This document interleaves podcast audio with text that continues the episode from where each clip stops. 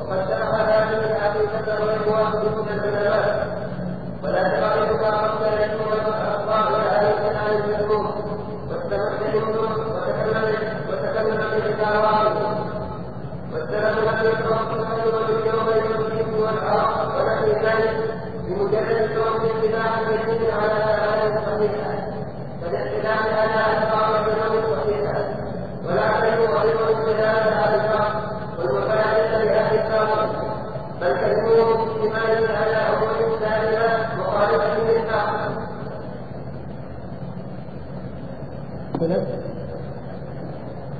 طيب كمل يا أخي كمل أيوه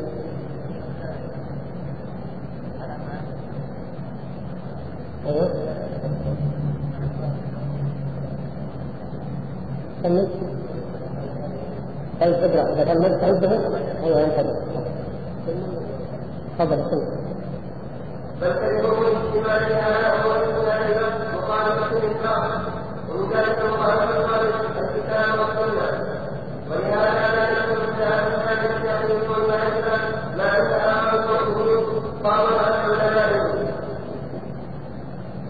والاجتماع والاجتماع مقدمات على الحق والباطل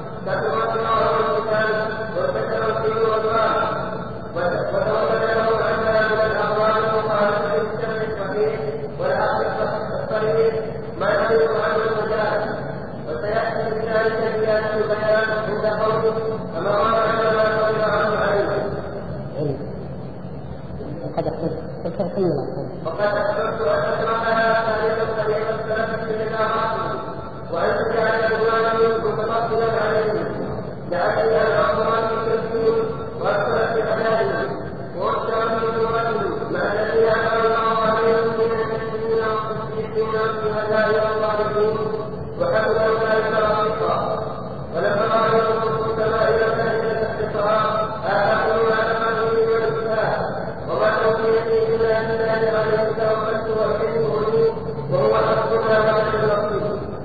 رحمه الله ورضي عنه.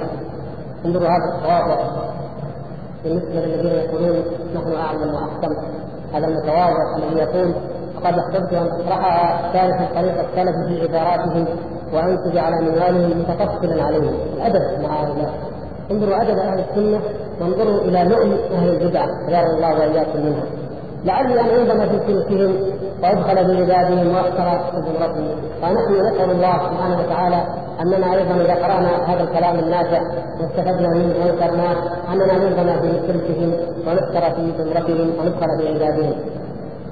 المؤلف رحمه الله تعالى يقول إن هذه العقيدة عقيدة الإمام الطحاوي عقيدة الإمام ابي جعفر الطحاوي المتن شرحها غير واحد.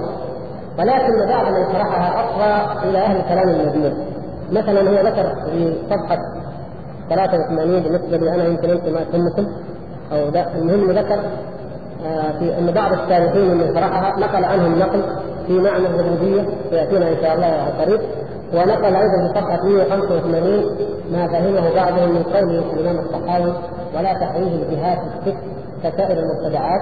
لما جاء بعض الشراح يشرح هذه العبارة قال قول قول الإمام الصحاوي لا تحريج الجهات الست هو قولنا لا داخل العالم ولا خارجه ولا يمينه ولا شماله ولا فوقه ولا تحته. إذا نحن يخفى. الشاهد من هذا أنه وجد من شرح عقيده الإمام الصحاوي شرحا اشعريا ماتريديا فنبه الشارح هنا إلى أن هذا رأى من شرح العقيدة.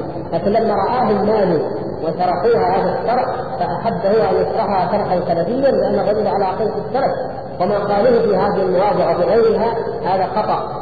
أول كلامه على غير ما أراد رحمه الله تعالى وإن أخطأ هو في العبارة فنحن لا نتبع واحدا ولا نقول ان احدا معصوم إلا رسول الله صلى الله عليه وسلم.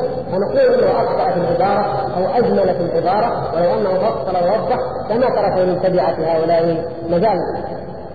فيقول ممن شرح هذه العقيدة ولا أحسبه إلا مخصوصا ابن منكوبة. ابن منكوبة. هذا أحد الشراح شرح العقيدة الصحاويه شرحا ماتريديا وممن فسرها تفسيرا اشعريا ابن السبكي في طبقات الشافعية. كتاب طبقات الشافعية كتاب عظيم في التراجم تراجم وفي التاريخ تاريخ العلماء ومؤلفاتهم.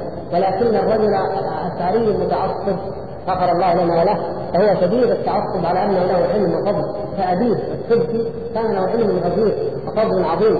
لكن الحسد وقع منه شيخ الإسلام ابن تيمية حتى جره ذلك إلى التعصب بقضايا غير عقيدة السلف.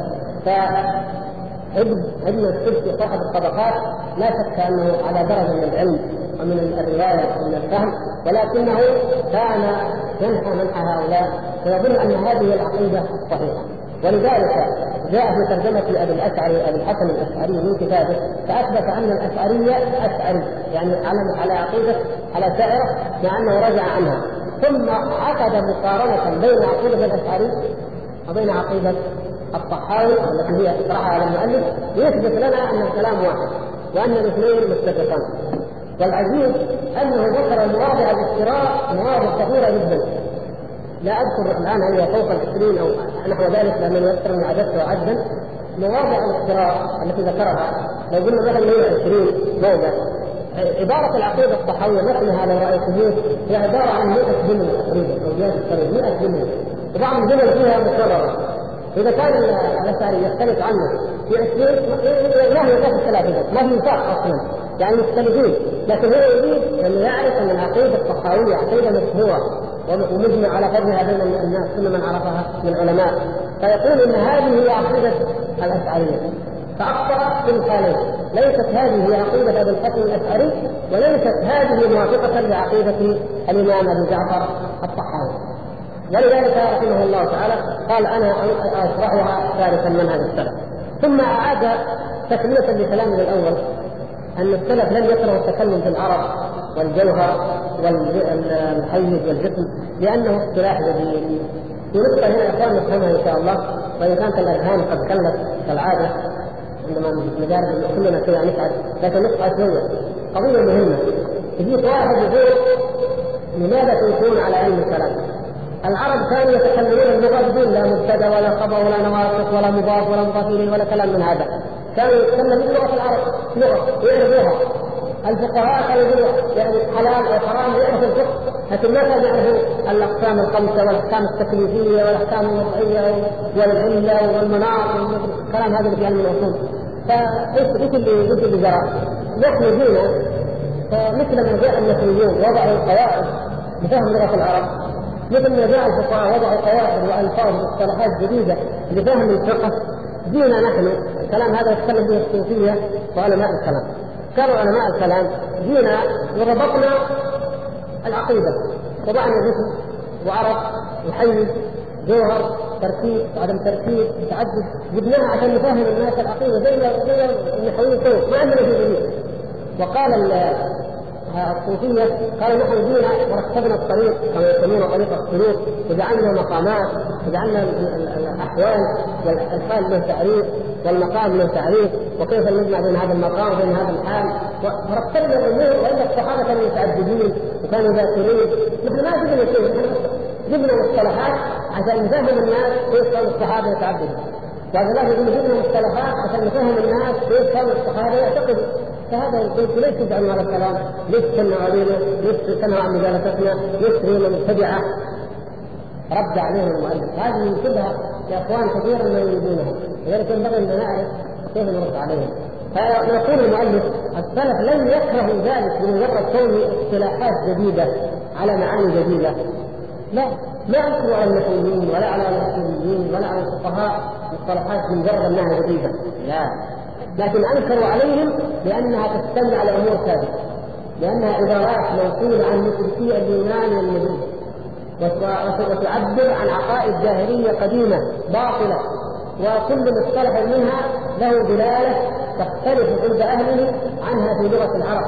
الجسم بلغة العرب غير الجسم في تعريف المناطق في تعريف الكتاب. وهكذا بقية الأمور العرب الجوهر. الجوهر لغة العرب الجواهر المعروفه الطويله هذه عندهم هم لا ما كان ضد العرب والعرب هو الحقيقة. والكلام ليس هو الذي قال العرب ولا عبر عنه ولا عرفه فنرد عليهم لانها تعبر عن عقائد زائده وتجتمع على مقدمات باطلة وتؤدي إلى نتائج كاذبة مبتدعة في الدين لم يكن عليها السلف الصالح رضوان الله تعالى عليهم.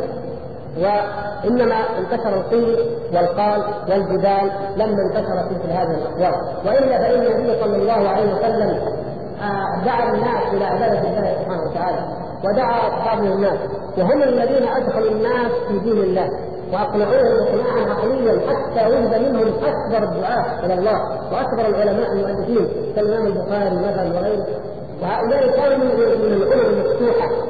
كيف اقنعوهم وكيف نظروهم وكيف أفهموه؟ بالمنطق المنطق الفطري المنطق الإسلامي الذي يعطي الحجة. وبمنطق الوحي يأتون بالوحي ويأتون معه بالحجة القاطعة. وكما قد مر معنا مرة وأذكر قلنا إيش؟ أن الرسول صلى الله عليه وسلم علمنا من هذا الدعوه، لا نقول فيه يرد الإسلام. لا.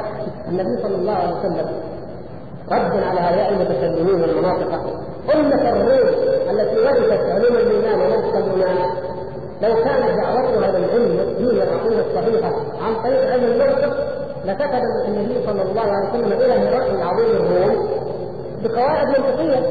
الله تعالى قدير ولا يعلم شيء. أن يوجد النبي صلى الله عليه وسلم بهذه القواعد. ويكتب إلى هرقل هذه القواعد التي أنتم تعظمونها وتحترمونها وتعظمون أهلها. ويوم يؤتي عن طريق المنطق. ويتعلم مثل ذلك. لا. النبي صلى الله عليه وسلم كتب من محمد رسول الله إلى هرقل عظيم الروم أسلم تسلم. أبيت أو فإن عليك اسم الريسيين ثم إيش؟ ويا أهل الكتاب تعالوا إلى كلمة سواء بيننا وبينكم أن لا نعبد إلا الله ولا نشرك به شيئا ولا يتخذ بعضنا بعضا أربابا من دون الله فإن تولوا فقولوا اشهدوا بأننا مسلمون وختم الكتاب. آية من كتاب الله. هذه الآية لو تأملناها ولو أن هناك الآن وقت نشرح كيف أن هذه الآية تهدم جميع المعتقدات التي كانت تدور بها الامبراطوريه الرومانيه وأولها ولا يتخذ بعضنا بعضا أربابا. كان الناس الرومان يعبدون الامبراطور وكانوا يتلقون عن الاحبار والرهبان في الدولة اتخذوا احبارا ورهبانا وأربابا من دون الله. فهذه هدم جميع المعتقدات التي عليها. وهي من محمد رسول الله. فأنا أكلمك عن الله وأبلغك عن الله وهذه آية من كتاب الله. ولذلك تعلمون بقية القصة لما جاءت هذه الآيات وهذا الكتاب له بطل هز وهو أعظم من الأرض. هز وهزا عظيما وأيقن أن النبي صلى الله عليه وسلم حق ولولا أنه آثر الدنيا عن الأخرى لآمن بالله واتبع النبي صلى الله عليه وسلم. هذا هو أسلوب الدعوة الصحيح أن ندعوهم بمنطق القرآن. لا أقول ان مثلا نكتب آية فقط لكن نشرح الآية شرحا كما كما كما هي البراهين والسند القرآنية. نوضح حجة القرآن نفهمها نحن براهين القرآن نفهمها ونشرحها للناس فهي التي تقنعهم فإن لم تقنعهم فلا أقنعهم الله وإن لم تهديهم فلا هداهم الله عز وجل. فإننا أمرنا أن ندعوهم. قل إنما انذركم بالوحي. ينذر الناس نحن أيضا بالوحي.